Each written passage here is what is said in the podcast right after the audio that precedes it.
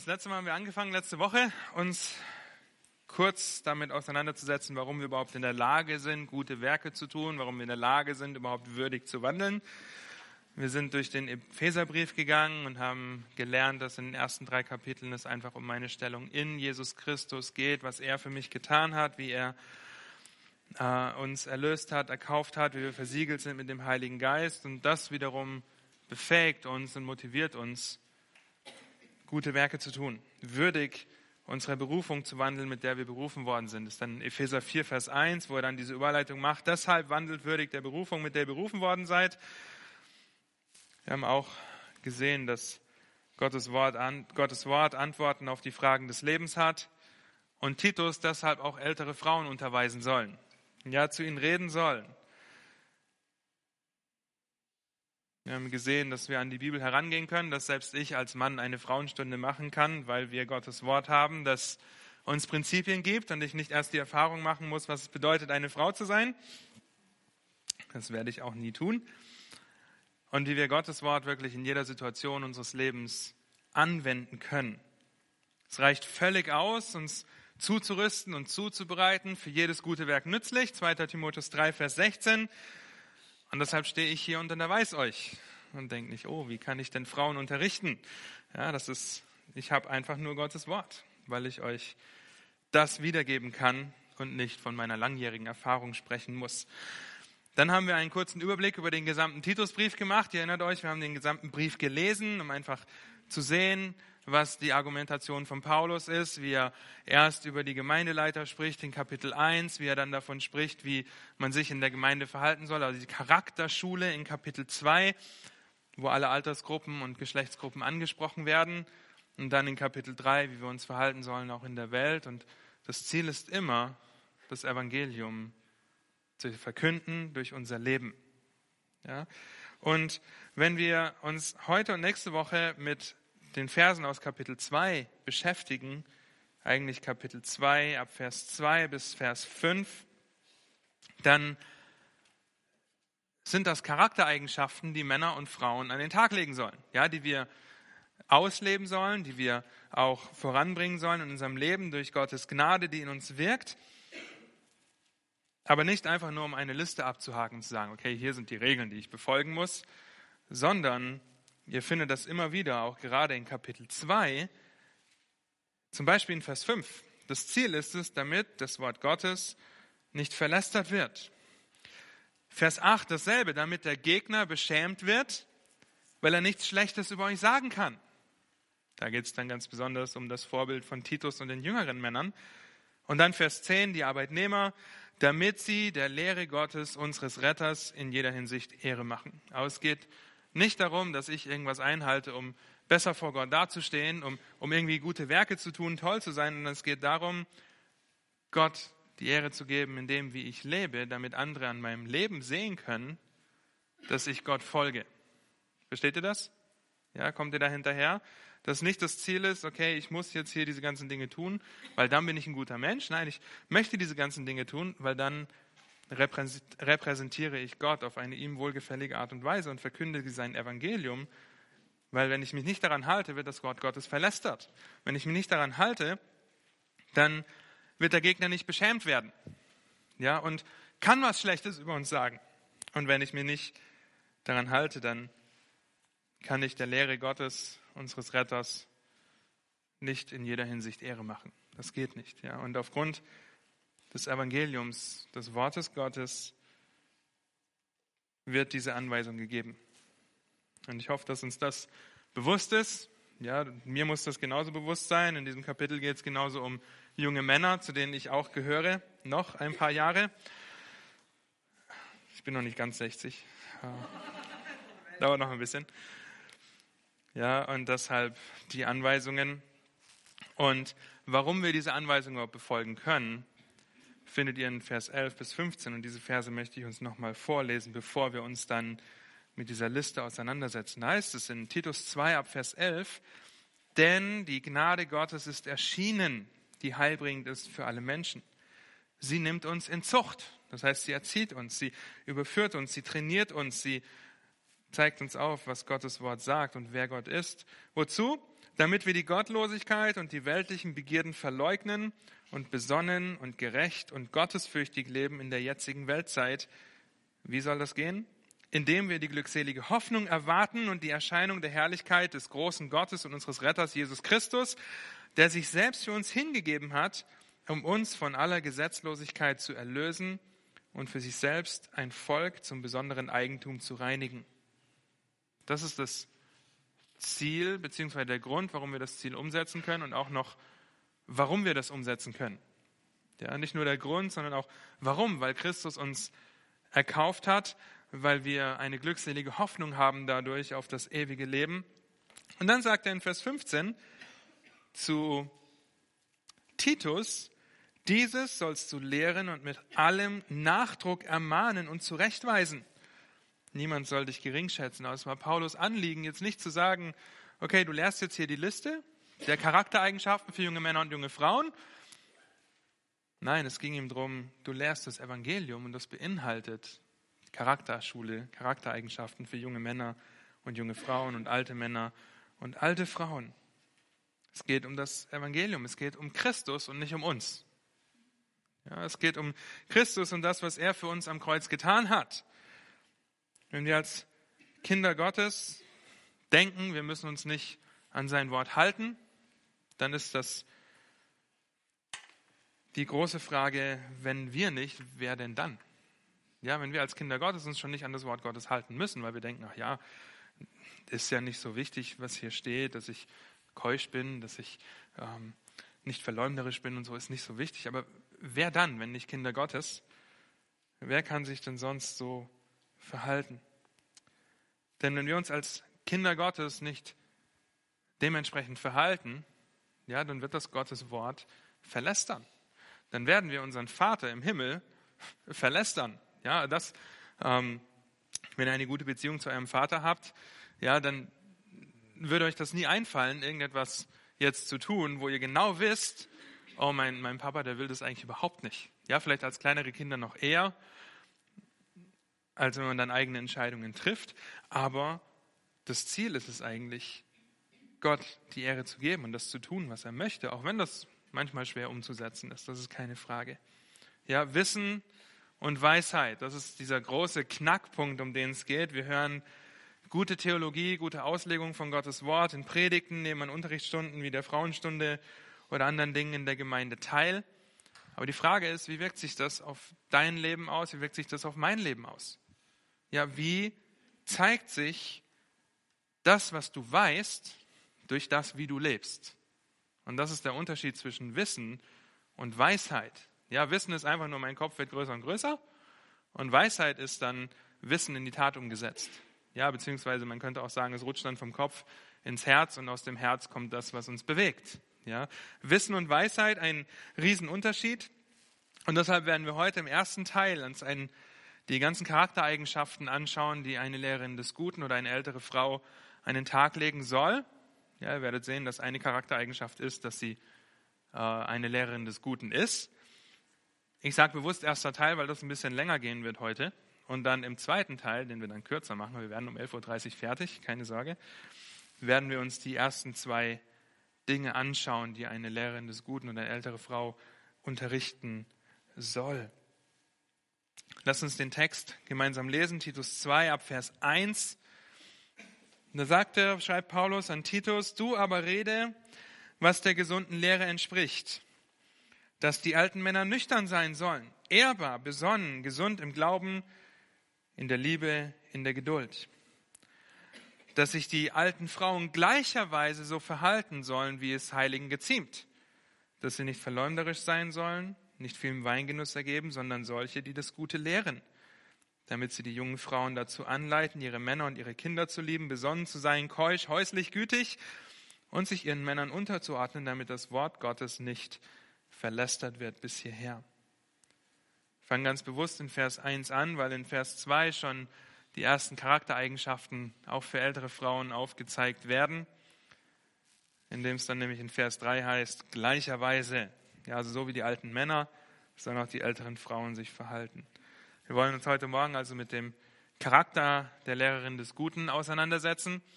Und Das bedeutet jetzt für euch nicht, ja, ich habe nicht auf die Adressliste geguckt, wer jetzt schon über 60 ist und wer nicht. Ihr müsst auch keine Hände heben.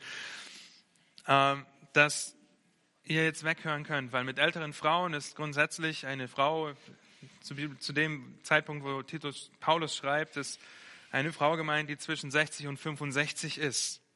Ja, ist das Wort Presbyteris, das für eine ältere Frau benutzt wird. Wir können davon ausgehen, dass es sich um 60 bis 65 handelt, weil damals gab es noch keine ausgefeilten Verhütungsmethoden und Kinder waren im Endeffekt eine Rentenversicherung und auch damals war es schon durchaus möglich, noch bis Mitte 40 Kinder zu bekommen.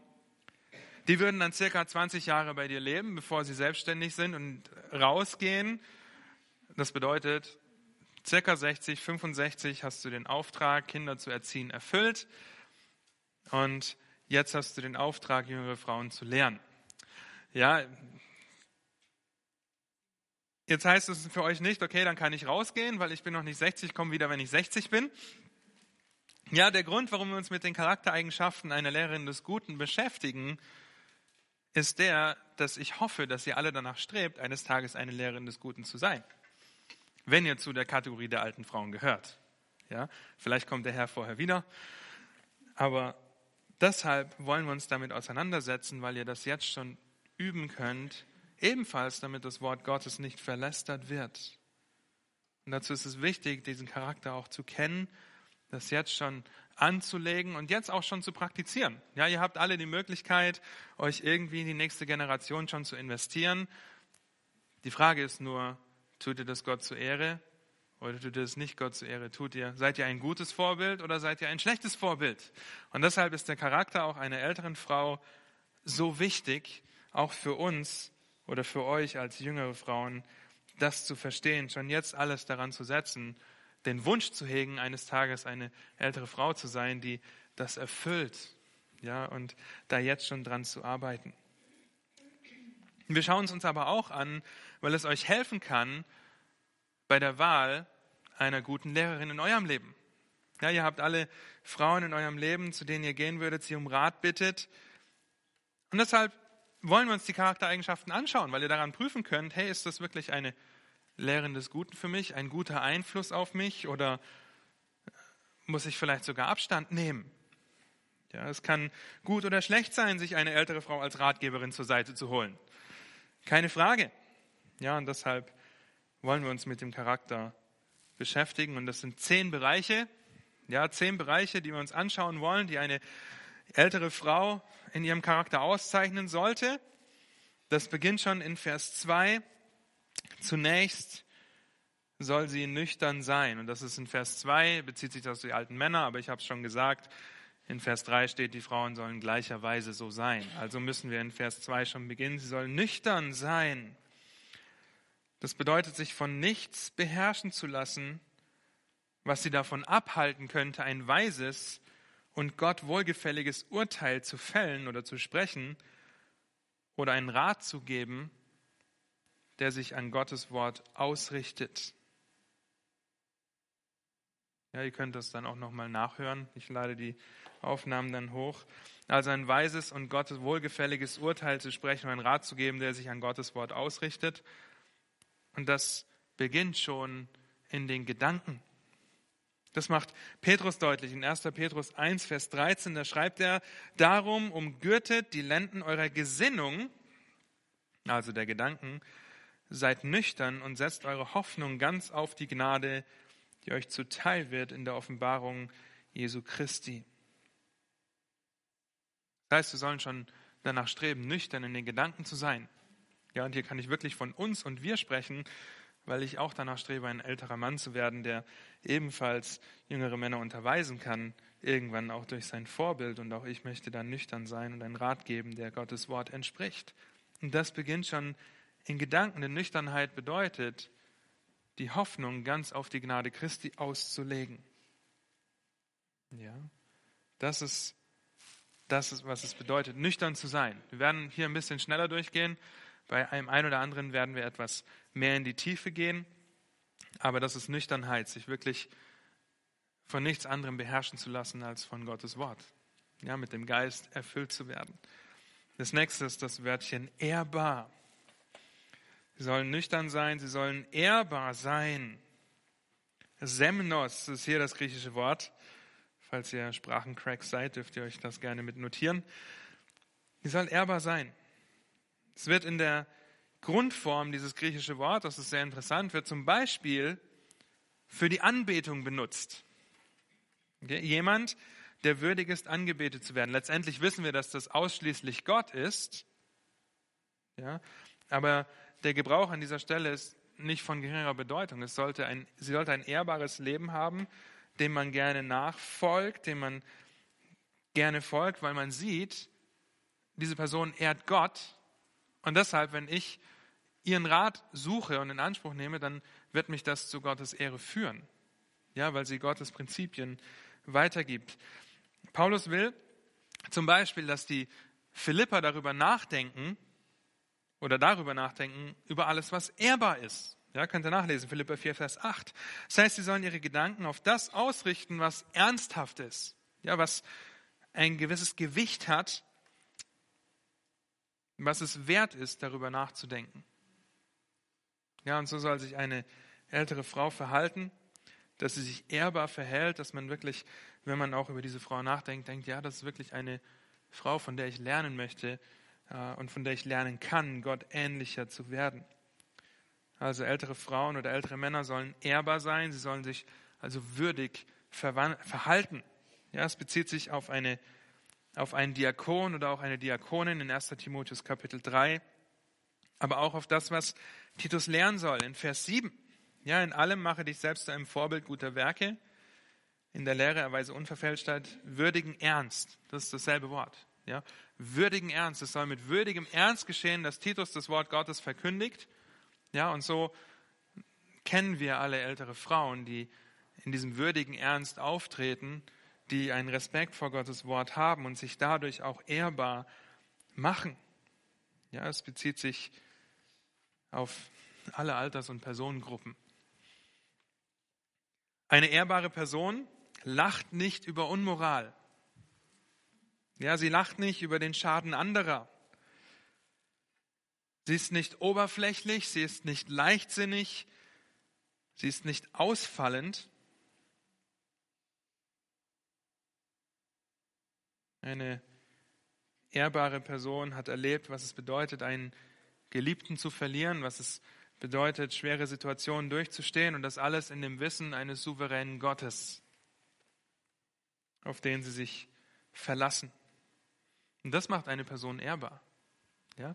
Man sieht schon die, die Lebenserfahrung, die da auch mitkommt, aber diese ältere Frau, auch der ältere Mann oder äh, der jüngere Mann, ist egal, wir sollen alle ehrbar sein.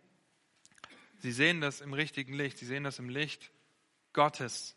Ja, sie haben die Vogelperspektive, können wir so sagen. Ja, sie sehen nicht die kleine Wohnung im Plattenbau, ja, mein Wohnzimmer mit zehn Quadratmetern, ich weiß es nicht, sondern sie sehen ganz Berlin. Ja, sehen das große Bild von dem Ganzen, was in ihrem Leben schon passiert ist und können das alles auf Gottes Wort zurückführen. Und deshalb sind sie ehrbar, weil sie Gottes Wort weitergeben, auch in diesen Situationen, weil sie Erfahrungen gemacht haben, die sie zurück auf Gottes Wort gebracht haben, näher zu Gott hingebracht werden. Und deswegen haben sie gelernt, nicht über Unmoral und so weiter zu lachen, nicht oberflächlich ausfallend oder leichtsinnig zu sein. Ja, und da könnt ihr euch selbst fragen, hey, lache ich über Unmoral, wenn ich einen Film gucke? Ja, freue ich mich über den Schaden anderer? Ja, ihr kennt vielleicht diese ganzen Fail-Videos auf YouTube. Ja, lache ich darüber? Oder bin ich selbst leichtsinnig und oberflächlich? Ihr könnt euch diese Fragen stellen. Die nächste Eigenschaft ist Besonnenheit. Sie soll besonnen sein. Sie sollte Unterscheidungsvermögen, Diskretion und eine gute Einschätzung von Situationen haben, weil sie jahrelang in der Abhängigkeit zu Gott gelebt hat. Und hier werde ich gar nicht sehr viel mehr dazu sagen, weil in Vers 5, das werden wir nächste Woche dann intensiv anschauen, soll sie die jüngeren Frauen lehren, ebenfalls besonnen zu sein. Ja, und wie kann ich Besonnenheit unterrichten, wenn ich nicht selber danach strebe, besonnen zu sein? Und deshalb werden wir uns nächste Woche mit Besonnenheit auseinandersetzen. Und dann kommt etwas Dreifaltiges hier, gerade noch in Vers 2 sind wir immer noch gesund im Glauben, in der Liebe, in der Geduld. Ja, sie sollen gesund sein im Glauben, sie sollen gesund sein in der Liebe und sie sollen gesund sein in der Geduld. Und gesund, das haben wir uns letzte Woche auch schon angeschaut, ist das Wort Hygiano, von dem wir heute das Wort Hygiene haben. Wer weiß noch, was es bedeutet?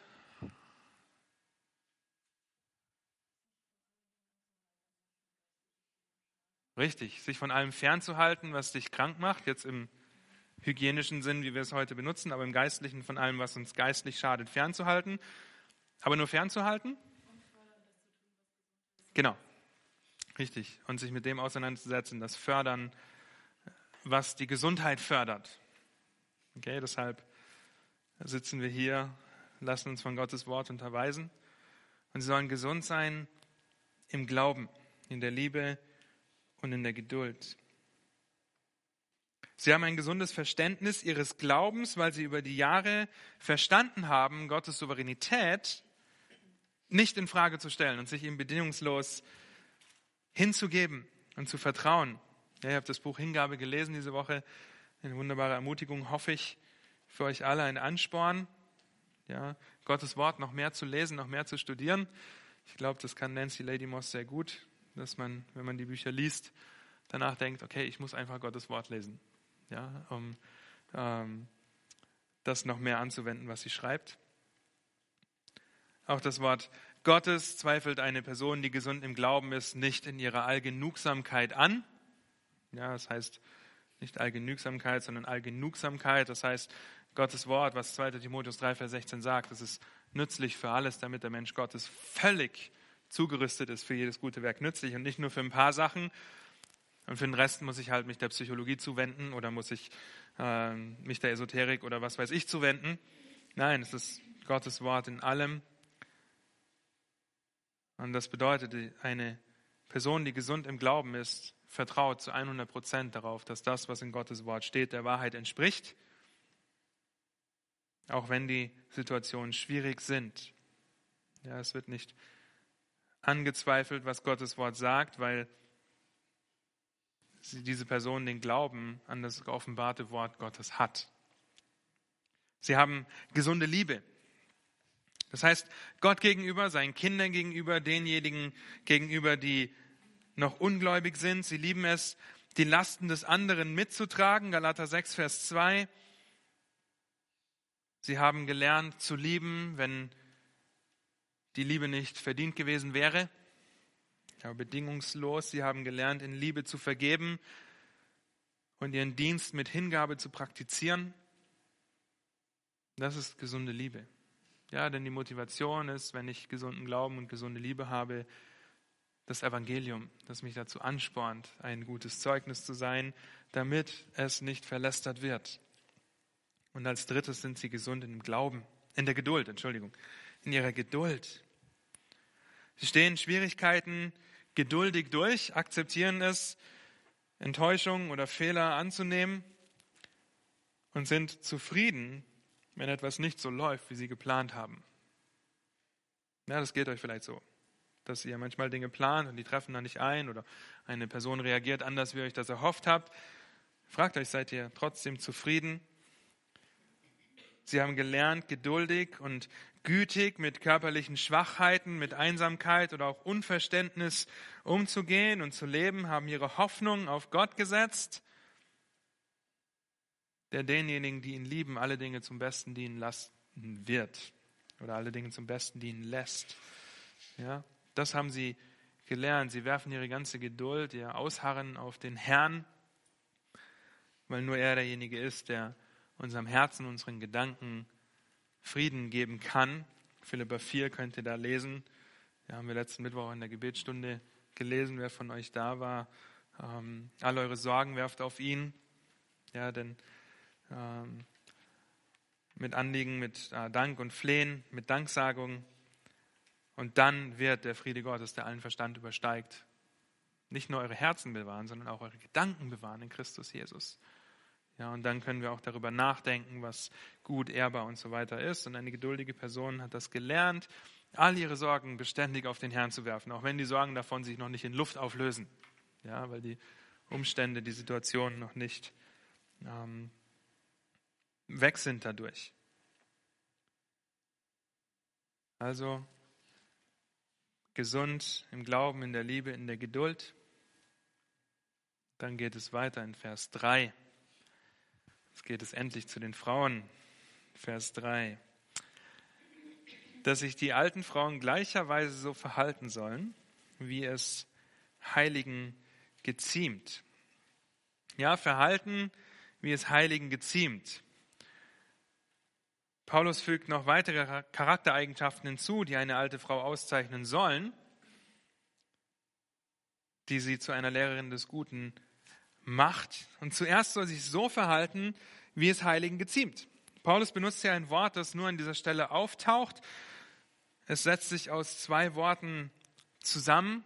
Das ist sehr interessant zu sehen, dass es einmal das Wort ist geheiligt oder im heiligen Dienst stehen und das andere Wort ist passend. Ja? Und passend ist äh, die, die passendere Beschreibung von geziemt. Ja, das ist, sie soll sich geziemt verhalten, sie soll sich so verhalten, wie es sich gebührt als Heilige. Sie soll sich passend dem verhalten, was sie ist. Ja, denn sie ist eine Heilige und jetzt soll sie sich auch so verhalten geheiligt oder der heilige Dienst und der soll passend ausgeführt werden. Sie soll sich also so verhalten, dass es zu dem passt, wer sie ist, nämlich eine Heilige. Es hat etwas Priesterliches an sich. Ja, es wird, ähm, Priester werden ebenfalls so umschrieben. Aber wie sieht das genau aus? Was ist ein Verhalten, das sich für Heilige gehört? Es kann sich auf unterschiedliche Arten und Weisen ausdrücken, zeigen. Okay? Einmal durch ihr Auftreten, ein geziemtes oder ein passendes Auftreten. Wir werden bei diesem Teil ein bisschen bleiben, weil der sehr umfänglich ist. Und wir wollen das gut verstehen, was es bedeutet, sich so zu verhalten, wie es den Heiligen geziemt. Ja, 1. Timotheus 2, Vers 9 bis 11. Da spricht Paulus von Frauen und ihrem ehrbaren Anstand, also ihrem geziemten Verhalten, wie es Heiligen gebührt. Ebenso will ich auch, dass sich die Frauen in ehrbarem Anstand mit Schamhaftigkeit und Zucht schmücken, nicht mit Haarflechten oder Gold oder Perlen oder aufwendiger Kleidung, sondern durch gute Werke, wie es sich für Frauen geziemt, die sich zur Gottesfurcht bekennen. Eigentlich dasselbe, was an Titus ebenfalls geschrieben wird. Es geht um das Auftreten gemäß des Standes, in dem du dich befindest. Du bist ein heiliges Kind Gottes, also lebe auch so, verhalte dich auch so, benimm dich so. Ja, und eine Frau, die nachstrebt, eine Lehrerin des Guten zu sein oder eine alte Frau, die Jüngere gut unterweisen kann, die achtet zum Beispiel auf ihre Kleidung. Ja, sich bewusst weiblich zu kleiden, aber nicht erotisch oder provokativ, die Freiheit des Herrn genießend, aber nicht eitel und angeberisch. Ja. Das Ziel ist es, sich mit guten Werken zu schmücken und nicht mit irgendwelchen auffälligen Dingen nach außen, die die Aufmerksamkeit auf dich als Person ziehen, die nicht anzüglich sind.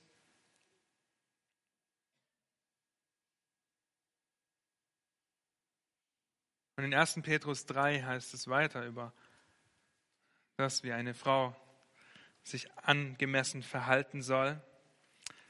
1. Petrus 3, Vers 3 und 4, euer Schmuck soll nicht der äußerliche sein, Haarflechten und Anlegen von Goldgeschmeide oder Kleidung, sondern der verborgene Mensch des Herzens in dem unvergänglichen Schmuck eines sanften und stillen Geistes, der vor Gott kostbar ist. In dem wahre Schönheit kommt von innen. Ja, ein sanfter und stiller Geist, der akzeptiert Gottes Handeln mit und an ihr als gut. Das heißt es, einen sanften Geist zu haben.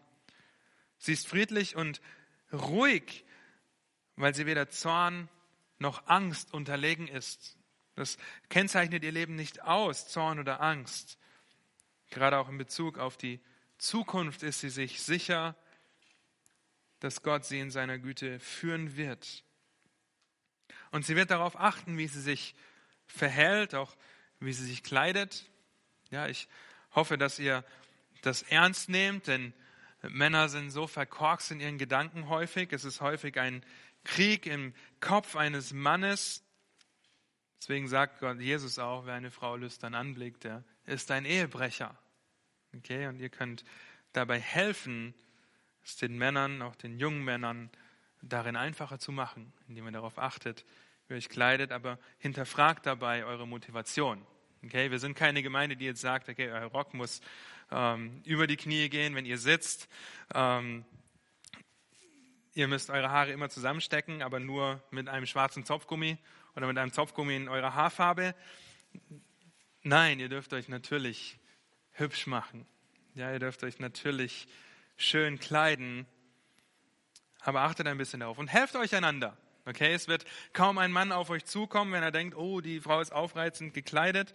Der Mann wird nicht auf euch zukommen und euch sagen, du, ah, ich finde, dass du heute sehr aufreizend gekleidet bist, das ist ein Problem für mich. Kein Mann wird das machen. Okay? Und es ist auch gut so, dass kein Mann das machen wird. Ja, weil euch das so sehr durcheinander bringen würde. Aber helft euch da gegenseitig. Achtet ein bisschen darauf. Okay? Ähm, schaut euch um, guckt einander und helft einander. Zieht euch auch zur Rechenschaft und hinterfragt euch, okay, was ist mein Schmuck? Will ich mich selbst darstellen? Ja, in meiner Eitelkeit, vielleicht, okay, ich muss jetzt drei Stunden lang meine Haare machen und wehe, eine Strähne kommt wieder raus. Ja, ähm, da könnt ihr euch hinterfragen, was ist eure Motivation, wenn ihr in eine Gemeindeveranstaltung geht? Ja, Maria lacht. Hoffentlich nicht mich aus. ja, achtet darauf. Ver verhaltet euch angemessen. Tretet angemessen auf.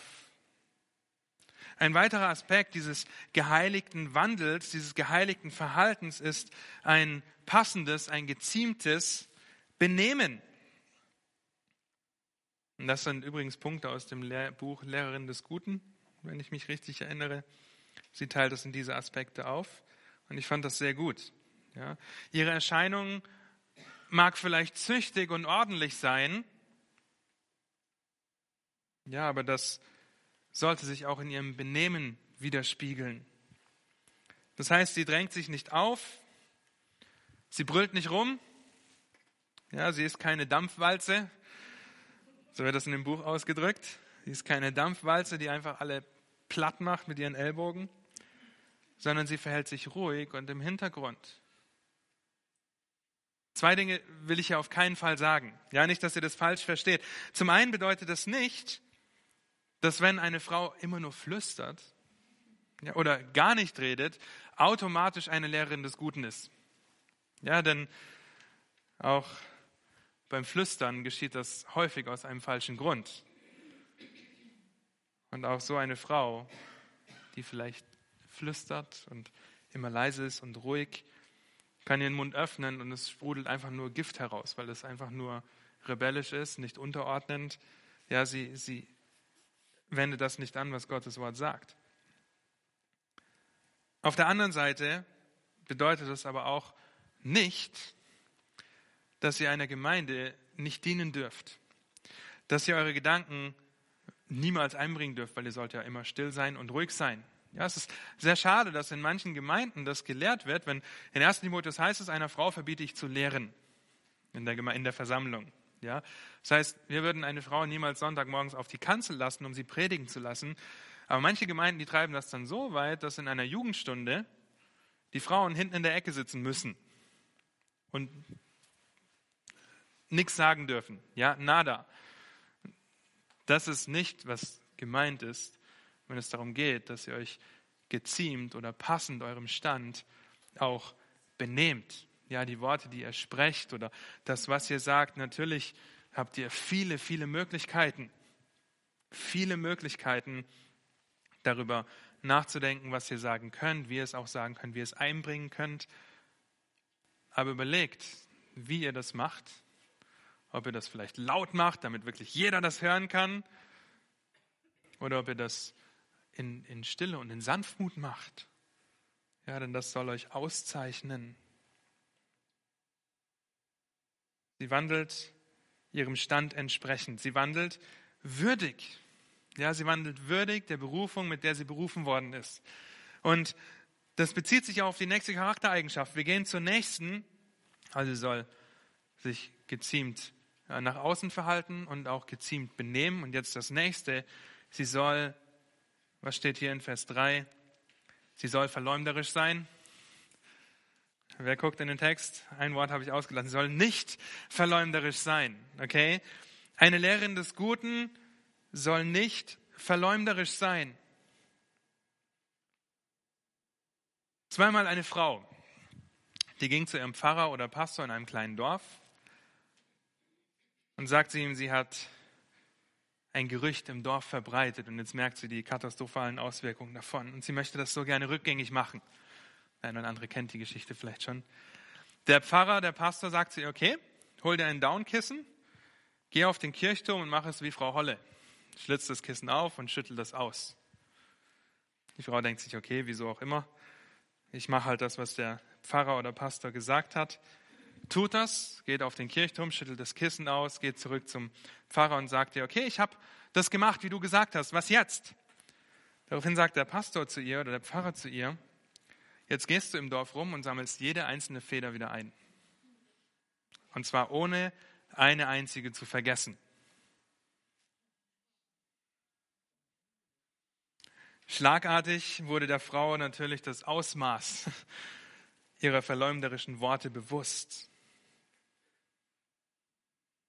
Ja, und das hält uns vielleicht vor Augen, was es bedeutet, wenn wir ein Gerücht in die Welt setzen, wenn wir verleumderisch sind. Wir schauen uns gleich noch genauer an, was das bedeutet. Und ihr alle kennt den Spruch, ein Mann ein Wort, eine Frau ein Wörterbuch, ja, oder eine Frau tausend Worte. Das bedeutet nicht, dass wir Männer nicht genauso aufpassen müssen, nicht verleumderisch zu sein.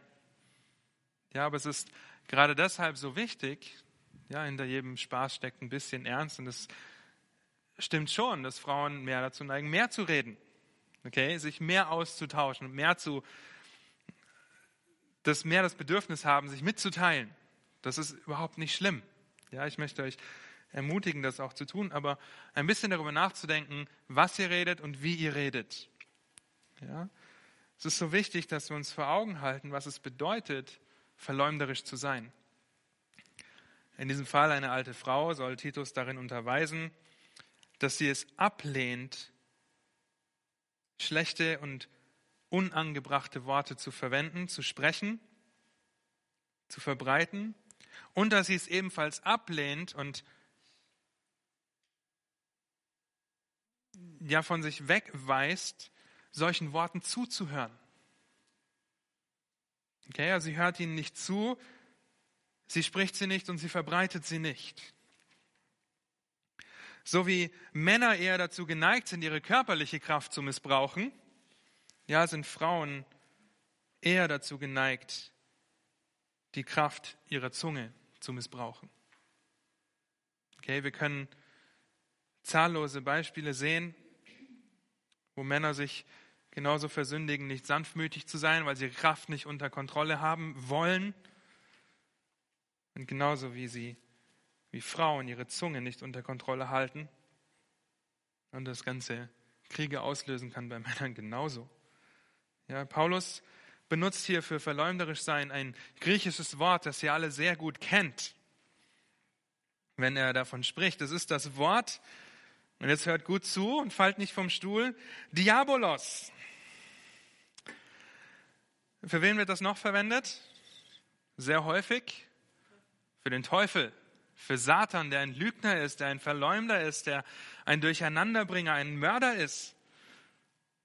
Okay, das heißt, das ist nicht nur, okay, ich will halt keine falschen Worte sagen, sondern wenn du verleumderisch bist, dann bist du, so hart das klingt, ob Mann oder Frau, ist völlig egal, dann bist du dem Teufel gleich. Und das ist definitiv kein Verhalten, das Heiligen geziemt. Okay, und es wird definitiv Gottes Wort in ein schlechtes Licht rücken. Dessen müssen wir uns bewusst sein, dass es dasselbe Wort ist. Und dass es heute leider so häufig eine Sünde ist, die als akzeptabel dargestellt wird. Ja, hier eine kleine Information über eine Person und eigentlich geht es dich gar nichts an.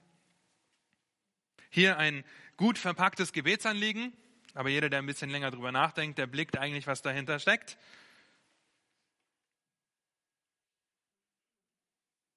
Vor allem fällt es uns auch leicht, wenn die andere Person uns verletzt hat oder wir meinen, im Recht zu sein und wir meinen, dass sie gegen uns gesündigt hat. Vielleicht sogar legitim, dass wir enttäuscht sind, dass sie gegen uns gesündigt hat. Aber wenn ich jetzt anfange, rumzugehen und das anderen zu erzählen, dann bin ich ein Diabolos, bin ich ein Verleumder.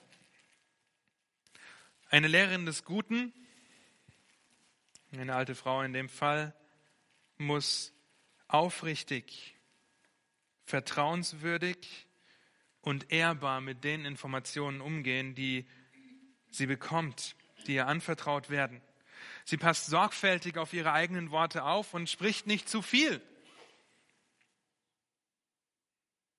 Und wir alle wissen, wie trügerisch unsere Zungen sein können. Könnt Jakobus Kapitel 3 dazu lesen. Mit ihr loben wir, mit ihr fluchen wir zur gleichen Zeit. Sie ist wie ein Funke, der einen Waldbrand auslöst, ein kleines Ruder an einem Riesenschiff. Und wenn ihr an euch arbeiten wollt, keine Diabolos zu sein, keine Verleumder zu sein, dann möchte ich euch in vier Bereichen ermutigen, sorgfältig auf eure Worte zu achten. Reden ist nicht schlecht im Austausch zu stehen, zu kommunizieren, ist nicht schlecht. Das sollen wir tun. Das hat Gott gemacht, indem er uns sein Wort gegeben hat. Aber wir müssen dabei auf unsere Worte achten, die wir sprechen. Epheser 4, Vers 29 heißt es, kein faules oder schlechtes Wort soll aus eurem Mund kommen. Und mit dem faulen Wort meint Paulus, oder könnt ihr euch das so vorstellen, ist etwas Vergammeltes. Ja, wenn ihr einen Liter Milch über den Sommer auf dem Balkon stehen lasst und dann im Herbst trinkt. Das ist hiermit gemeint. Ja, das ist kein schlechtes, kein faules Wort soll aus unserem Mund kommen, sondern was Gutes zur Erbauung, wo es nötig ist, damit es den Hörern Gnade bringe. Stell dir, bevor du deinen Mund aufmachst, folgende Fragen zu dem, was du sagen willst. Sind es schlechte Worte, die ich sagen will? Faule Worte. Das heißt, bringen sie jemand anders in ein schlechtes Licht? Ja?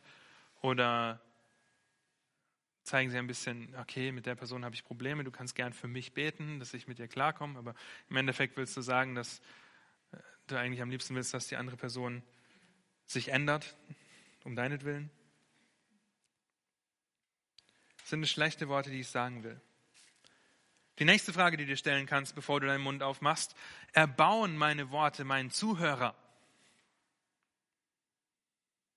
Und manchmal können wir diese ersten beiden Fragen vielleicht sogar als richtig beantworten. Aber dann kommt die dritte Frage hinzu. Ist es nötig, dass die Person das erfährt? Was ist die Motivation dahinter, dass ich dir das erzählen muss? Ja, es kann sein, dass jemand an dir gesündigt hat und du jemand anders ermutigen willst, ja, ich sehe, dass du das so viel besser machst wie Petra. Ja, Petra, die hat mich letzt wirklich so verletzt und es war so schrecklich und vielleicht erbaut das den, der, der dir zuhört. Vielleicht benutzt du dabei auch keine schlechten Worte, aber es ist absolut unnötig, dass der andere dieses Beispiel braucht, um ermutigt zu sein. Es ist absolut unnötig, diese Worte zu gebrauchen, diese Person dadurch in ein schlechtes Licht zu rücken. Was ist deine Motivation, wenn du deinen Mund aufmachst? Und zu guter Letzt die Frage stellen, alles anhand von Epheser 4, Vers 29, bringt es meinem Gegenüber Gnade? Das heißt, hilft es ihm, Gott noch mehr zu lieben dadurch? Ja, Gott ähnlicher zu werden dadurch? Bringt es ihm Gnade? Da könnt ihr drüber nachdenken, gerade wenn es um Gespräche geht, die euer, eure geistlichen Herausforderungen vielleicht preisgeben, in Beziehungen, in denen ihr steht, die vielleicht schwierig sind. Denkt über eure Worte nach, ja, bevor ihr sie aussprecht. Und sagt euch nicht, woher soll ich wissen, was ich denke, bevor ich nicht höre, was ich sage. Könnt ihr ein bisschen drüber nachdenken über den Spruch. Wenn das vier Fragen sind, die wir uns stellen sollen und können in einem Gespräch, dann bedeutet das für uns auch, dass wir Gottes Wort kennen müssen. Dass wir kein heuchlerisches Lob aussprechen auf Kosten eines anderen, geschweige denn hinter dem Rücken einer anderen Person zu reden. Dein Wunsch als Lehrerin des Guten ist es hoffentlich, dass dein Gegenüber durch das Gespräch mit dir Christus ähnlicher wird. Christus ähnlicher wird und du ihn nicht auf deine Seite kriegst gegen eine andere Person. Das bedeutet nicht, dass ihr euch über Shoppingfragen von Ikea oder HM austauschen dürft, aber wählt eure Worte weise und denkt darüber nach, was sie bringen. Ja? Also kein faules Wort soll aus dem Mund kommen, erbauende Worte sollen wir sprechen. Das zweite findet ihr auch in Epheser 4. Wir sollen wahre Worte sprechen. Okay? Wahre Worte, Epheser 4.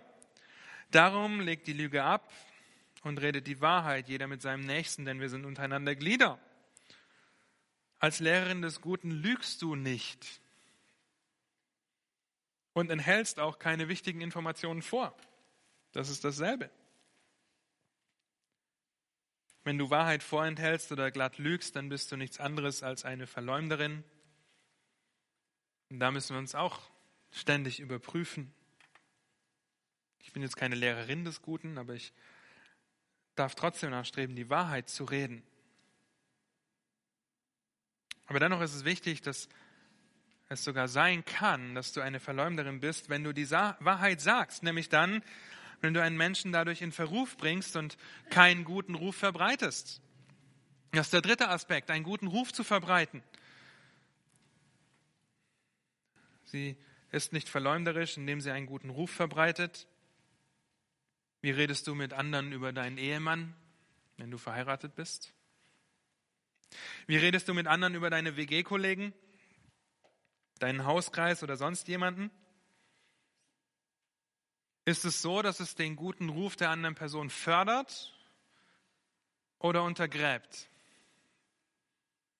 Ja, wie sprichst du über deinen Ehemann ganz besonders? Ist es so, dass dein Mann dadurch in einem besseren Licht dargestellt wird? Oder ist es so, dass sein Ruf untergraben wird?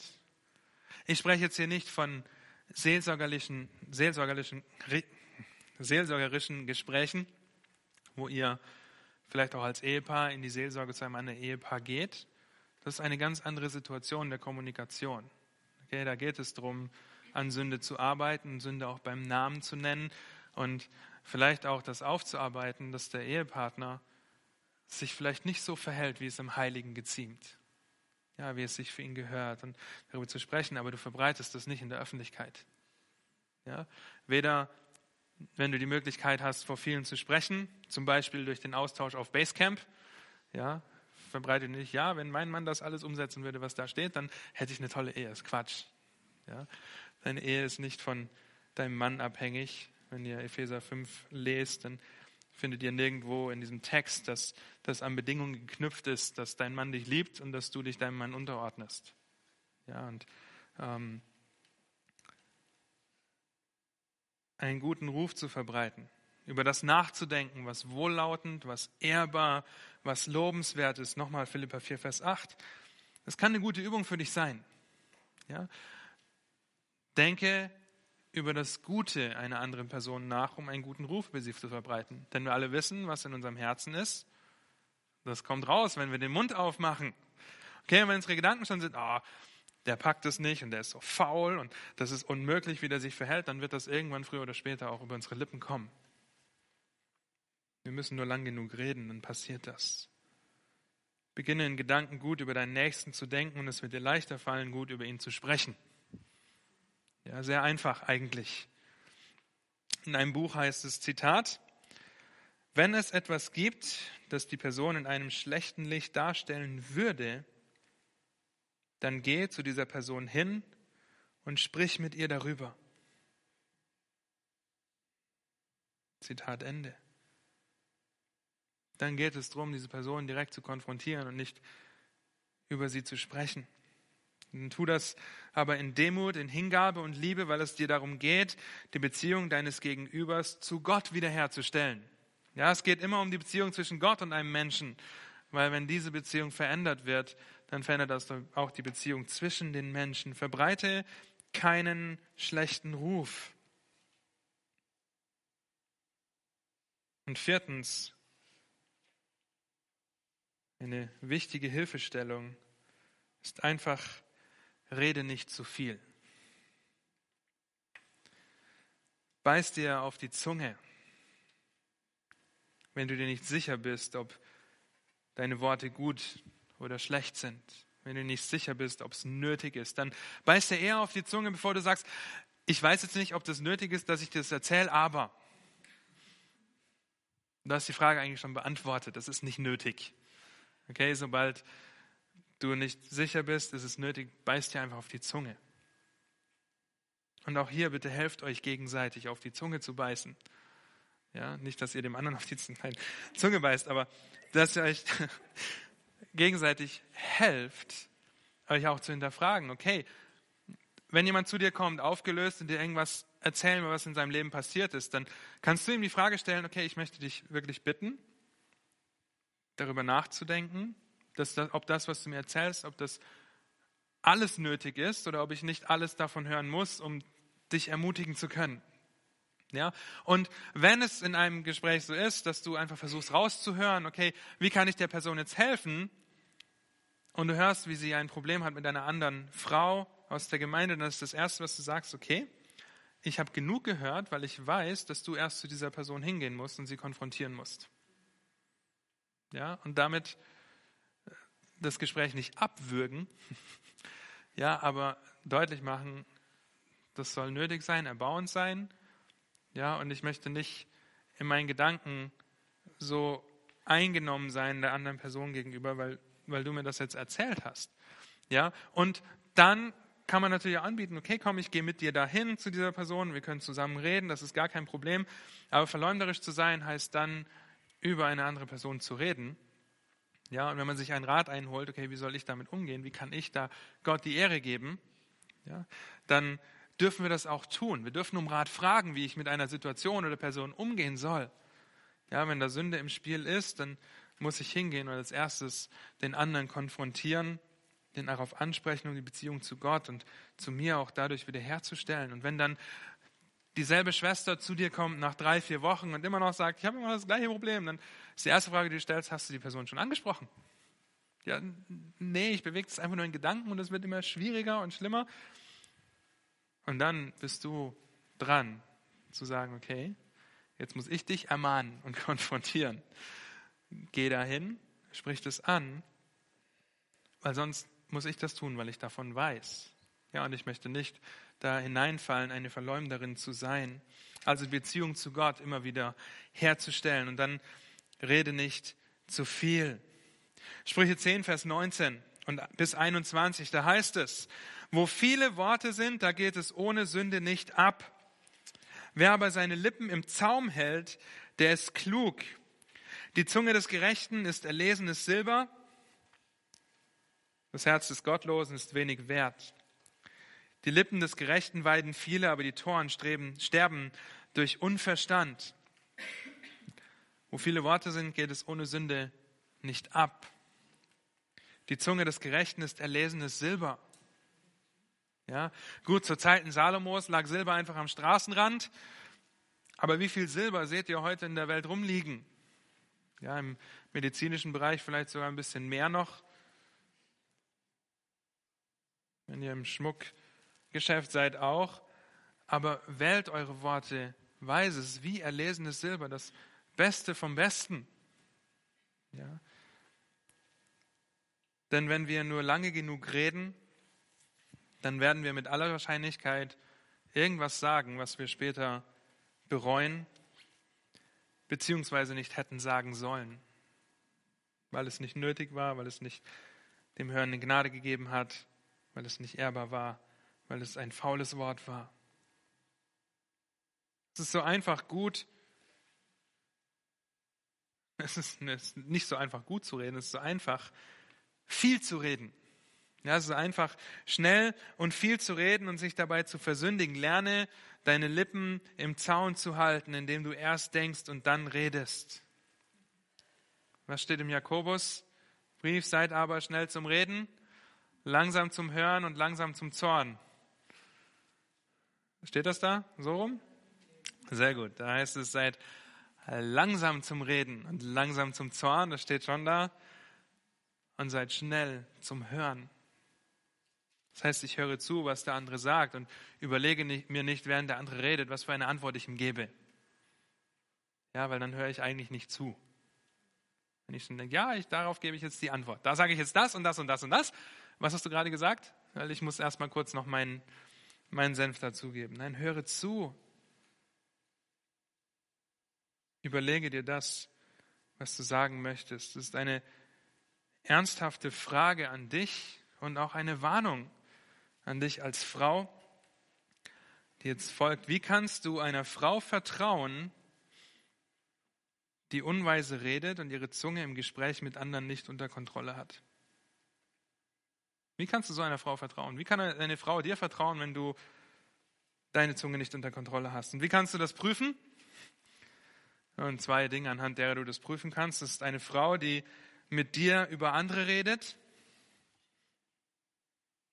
ja, denn wenn jemand mit dir über andere redet, dann redet er auch höchstwahrscheinlich mit anderen über dich. Und zweitens ist es eine Frau, die sich wirklich Mühe gibt, an Informationen zu kommen, die sie nichts angehen. Ja. Und vor solchen Menschen, ob Mann oder Frau, vor solchen Leuten müssen wir uns hüten. Und vor allem musst du dich davor hüten, zu so einer Frau zu werden.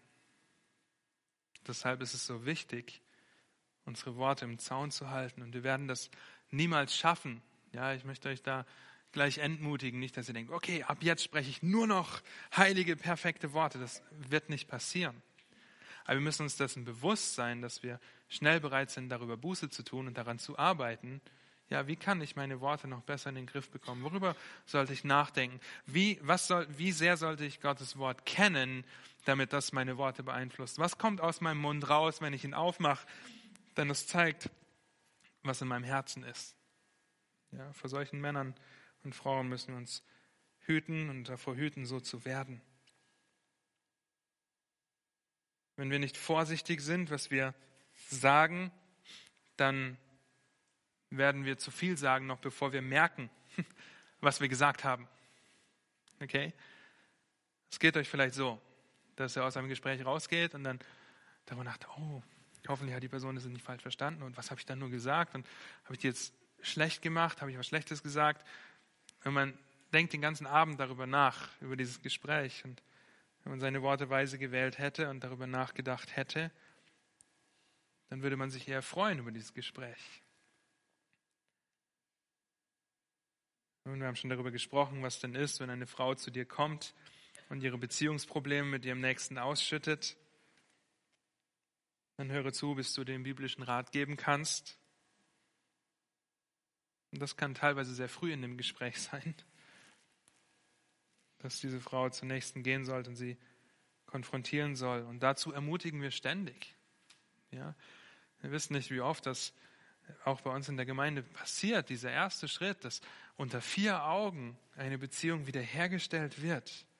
Ja, im Endeffekt ist das der erste Schritt der Gemeindezucht, so hart das klingt, der erste Schritt der korrektiven Gemeindeseelsorge, das, die das Ziel hat, die Beziehung dieser Person zu Christus, zu Gott so wiederherzustellen, dass man auch gerne wieder Gemeinschaft mit ihr hat. Das geschieht als erstes unter vier Augen. Und den Schritt haben wir häufig ja, und den erlebt ihr vielleicht auch häufig, sobald euch jemand konfrontiert auf Sünde in eurem Leben. Traurig wird es, wenn die nächsten Schritte kommen müssen. Ja, das Zeugen mitgehen, gleich, dass, dass es vor die Gemeinde getragen wird letztendlich. Ja, wir weisen uns auf Gottes Gnade hin, auf seine Vergebung und möchten, dass er uns vergibt. Können wir das in der Pause machen? Ja? Danke. Also, seid euch der Tragweite eurer Worte bewusst. Ja, wenn du dafür bekannt bist, dass du deinen Mund nicht halten kannst, deine Zunge nicht im Zaum hältst, dann fällst du in diese Kategorie eine Verleumderin. Strebe nur nach, das nicht zu sein. Jetzt haben wir etliche Charaktereigenschaften schon angeschaut. Und ich hoffe, dass ihr dabei denkt, wenn ihr das alles hört, ich kann niemals eine Lehrerin des Guten sein. Das hoffe ich wirklich, ja, weil wir letztes Mal schon gesehen haben, dass wir nur durch Gottes Gnade in der Lage sind, auch gute Werke zu tun. Ja, wenn du jetzt sagst, ah ja, ich bin total nüchtern, ich bin total ehrbar, voll besonnen immer, gesund im Glauben der Liebe und in der Geduld, ich verhalte mich immer angemessen und angebracht, dann überprüf, ob du nicht gesetzlich bist. Ja, und wenn wir uns diese Eigenschaften anschauen, dann muss uns das demütigen. Wir müssen zu der Erkenntnis kommen, ich werde es niemals schaffen. Das geht nicht. Ja, ihr werdet es niemals schaffen, zu 100 Prozent perfekt zu sein. Ja, es wird Zeiten geben, da wird es euch leichter fallen. Es wird Zeiten geben, da wird es euch schwerer fallen, je nachdem, in welchem Bereich und in welchem Umstand ihr euch auch befindet. Aber ich hoffe, dass ihr euch sagt, ich kann es niemals schaffen, das an den Tag zu legen, weil das nur durch Gottes Gnade geschieht, ja, die er durch seinen Tod am Kreuz für uns bereit hält weil er jedes gute Werk so vorbereitet hat, damit wir darin wandeln können. Ja, stelle dich also in die Abhängigkeit Gottes. Stell dich in die Abhängigkeit Gottes. Das macht auch die nächste Charaktereigenschaft deutlich. Sie soll nicht viel Weingenuss ergeben sein.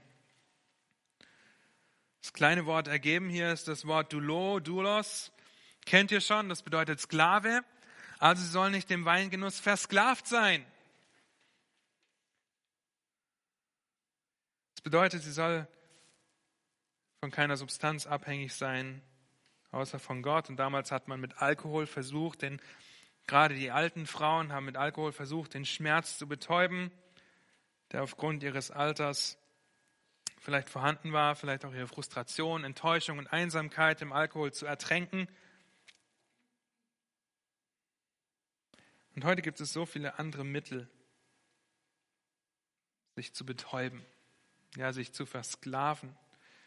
Und die Wahrheit, die wir uns immer wieder vor Augen halten müssen, ist, dass solche Mittel nicht zur Ablenkung dienen, sondern zur Versklavung. Ja, wir denken immer, okay, lass uns beim Alkohol bleiben. Als Alkoholiker denke ich, der Alkohol dient mir, weil er mir hilft, nicht mehr nachdenken zu müssen. Nun, eigentlich diene ich in dem Fall dem Alkohol, weil ich so versklavt darunter bin, weil er mich so in den Bann zieht, weil ich mich so davon abhängig mache, dass das die Lösung sein muss. Und ihr könnt hier alles in die Lücken füllen. Das können selbst Freundschaften sein. Ja, ich versuche mich einfach abzulenken, damit ich nicht über mein schreckliches Leben nachdenken muss. Das heißt, ich gehe viel weg mit, mit Leuten aus der Gemeinde. Ich ähm, habe einen vollen Kleiderschrank. Ich versuche Karriere zu machen, weil ich ja eh keinen Mann finde. Lieben, überprüft euch, wo ihr euch versucht zu betäuben, damit ihr nicht über eure Unzulänglichkeit vor Gott nachdenken müsst. Denn in Wirklichkeit dienen uns diese Dinge nicht, sondern wir dienen ihm. Wir machen uns abhängig von den Dingen, von denen wir meinen, dass sie uns helfen. Und die Schrift sagt, wir sollen uns abhängig machen von Gott. Epheser 5, 18. Werdet beständig mit dem Heiligen Geist erfüllt. Eine Lehrerin des Guten ist von Gott abhängig. Er ist der Einzige, der dieses Vakuum stillen kann. Wir haben letztes Mal kurz darüber gesprochen, dass wir Offenbarungsempfänger sind, dass wir Abhängige sind. Ihr könnt euch vielleicht daran erinnern. Wir sind mit einer Abhängigkeit geschaffen. Und solange ein Mensch versucht, dieses Vakuum zu stillen mit irgendetwas anderem außer Gott, der in Jesus Christus am Kreuz für uns gestorben ist, dann wird das ihm nicht gelingen. Vielleicht für eine kurze Zeit. Aber früher oder später braucht er dann mehr oder was anderes. Wir werden zwangsweise etwas anbeten. Die Frage ist, ob du Gott anbetest oder irgendwas anderes. Kannst du in die Lücke füllen? Ja, so viele anonymen Alkoholiker, die sagen, ich bin vom Alkohol frei geworden. Ja, und jetzt rauchen sie fünf Schachteln Zigaretten am Tag. Ja, weil sie eine Abhängigkeit mit der anderen ausgetauscht haben. Du wirst zwangsweise etwas anbeten. Die Frage ist nur, was oder wen. Und ihr habt das in Hingabe gelesen und die Frage ist, wie hingegeben lebst du? Ja? Wie bewusst bist du dir der Kontrolle Gottes über alles, über jeden Umstand, jede Sekunde, jedes Atom in dieser Welt? Und glaubst du das? Nun, das sind alles Charaktereigenschaften, die so gut wie alle negativ sind, außer in der Liebe, in der Geduld und im Glauben gesund zu sein. Und jetzt kommt die letzte Eigenschaft. Sie soll das Gute lehren. Sie soll das Gute lehren. Carlo Didaskolos. Carlos, kennt mein Hauskreis mittlerweile, heißt gut und Didaskalos heißt einfach zu unterweisen, zu lehren, beizubringen. Das gute Lehren ist eben ein Wort im Griechischen. Es bezeichnet einen Lehrer, einen Verkündiger von Gottes Wahrheit. Das zu verkündigen, was gut ist. Und das Einzige, was gut ist zu verkündigen, ist nun mal Gottes Wahrheit, Gottes Wort, ob du gläubig bist oder nicht. Eine Lehrerin des Guten verkündigt Gottes Wort, ob die andere Person gläubig ist oder nicht. Denn wir brauchen das Evangelium nicht nur, um errettet zu werden. Ja, auch das wisst ihr, das habt ihr häufig gehört. Wir brauchen das jeden Tag, um in der Gnade, in den guten Werken zu wandeln, die Gott zuvor bereitet hat. Das zu verkünden, was gut ist, ist die Lehre, die exzellent ist, die nobel ist, die nur von Gott kommen kann. Ja, und eine heilige Verkündigung und Unterweisung in Gottes Wort. Das heißt, eine Lehrerin des Guten hat die Verantwortung, jüngere Frauen in der Gemeinde zu ermutigen und zu lernen, was es bedeutet, unter anderem eine Frau und eine Mutter zu sein. Und unsere Gemeinde, auch hier, die steht und fällt mit Lehrerinnen. Ist euch das bewusst? Gerade wenn ihr Kinder habt, dann seid ihr diejenigen hauptsächlich, die die Kinder unterweisen. Und es wäre schade zu sagen, oder schade, wenn ihr von euch selber sagt, ja, ich bin eigentlich keine Lehrerin des Guten. Ja, ich wende Gottes Wort eigentlich nicht an. Ich kenne es vielleicht, aber am Rest, ja, ist nicht so wichtig. Familienandacht, wenn mein Mann auf Dienstreise ist oder so, oder wenn mein Mann viel arbeitet und ich Zeit mit den Kindern habe, wie oft schaut ihr in Gottes Wort? Wie oft unterweist du die in Gottes Wort, wenn ihr spazieren geht? Zeigst du ihr die Schöpfung Gottes auf und zeigst ihr auf, wer das gemacht hat? Wenn dein Kind ungehorsam ist, zeigst du ihm auf, dass Christus genau dafür am Kreuz sterben musste. Bist du eine Lehrerin des Guten?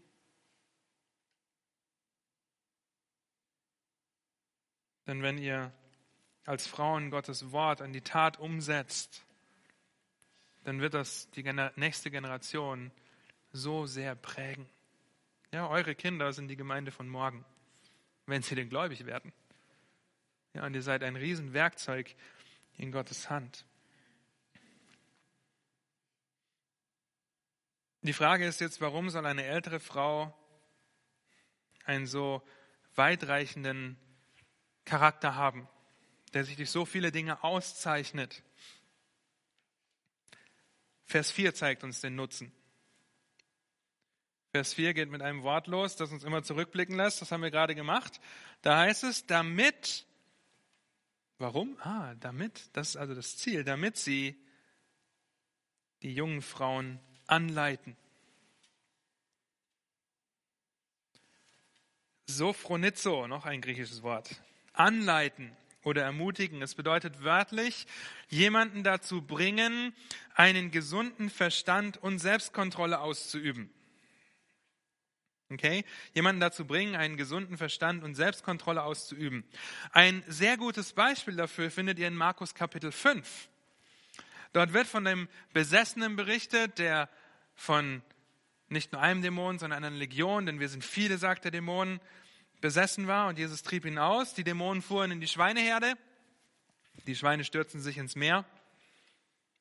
Und dann heißt es in Markus 5, Vers 15, und sie kamen zu Jesus, also als sie das gehört haben, die Schweinehirten und so weiter, und sahen den Besessenen, der die Legion gehabt hatte, da sitzen, bekleidet und vernünftig. Das ist dasselbe Wort hier im Griechischen, vernünftig.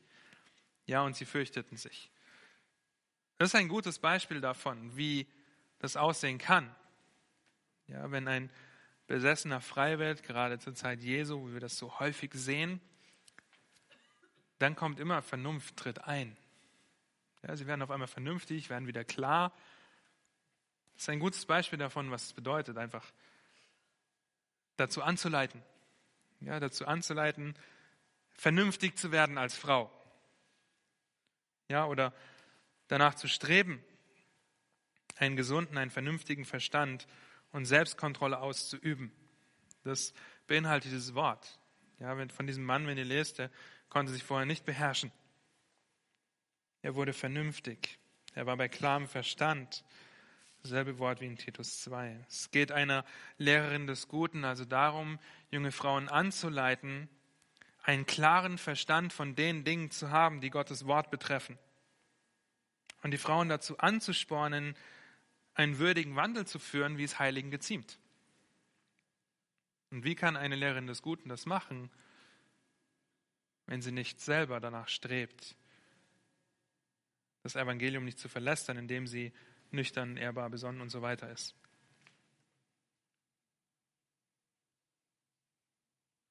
Nun, das ist der Schluss des Charakters einer Lehrerin des Guten. Ich möchte euch noch drei Aspekte an die Hand geben, an der, ihr prüfen könnt. Zum einen, wer für euch eine Lehrerin des Guten sein könnte. Und zum anderen, wie ihr euch hinterfragen könnt, bin ich denn auf dem Weg dahin, eine Lehrerin des Guten zu sein? Erstens, sie kennt und liebt Gottes Wort. Wenn du mit einer älteren Frau sprichst oder andere Frauen mit dir sprechen, erkennen sie, dass du Gottes Wort liebst. Mit anderen Worten, wovon sind eure Gespräche geprägt? Zweitens, sie ordnet sich Autoritäten unter. Stell dir die Frage, wie redet sie von ihrem Ehemann oder wie rede ich von meinem Ehemann? Wie vom Arbeitgeber, falls das der Fall ist, oder wie von den Ältesten in der Gemeinde, wie von ihrem Vater, ja, wie von der, den Autoritäten in ihrem Leben. Ja, nicht jeder Mann ist eine Autorität über jede Frau, keine Sorge, ja, ich habe nicht, oder gut, ich habe schon Autorität, weil ich Hirte bin. Ähm, aber ein Wladimir zum Beispiel hat keine Autorität über euch in dem Sinn. Ja, ähm, als Beispiel. Entschuldigung, Wladimir, wenn du das hörst, dann ist die Frage, ob er sich sie anhört, eine Frauenstunde. Ähm, wir können auch Robert nehmen. Also nicht, nicht unseren Patterson, sondern äh, den, der nicht mehr da ist. Ähm, ordnen Sie sich unter Autorität unter. Wie spricht sie von ihrem Mann? Wie spricht sie von den Ältesten, von ihrem Arbeitgeber, von den Leitern in ihrem Leben? Und drittens, ist sie eine Klatschtante? Oder bin ich eine Klatschtante? Ja. Halte dich von einer Frau fern, die mit dir über andere redet und dafür bekannt ist, ein loses Mundwerk zu haben. Ich möchte euch wirklich ermutigen, danach zu streben, diese Charaktereigenschaften jetzt schon zu üben, weil ihr könnt jetzt schon eine Lehrerin des Guten sein. Ja, und damit sind wir am Ende. Kennt und liebt sie Gottes Wort, ordnet sich Autoritäten unter und ist sie dafür bekannt, eine Klatschtante zu sein. Ja, lasst mich noch beten und dann wird es eine kleine Pause geben, bevor wir die ersten zwei Eigenschaften noch anschauen.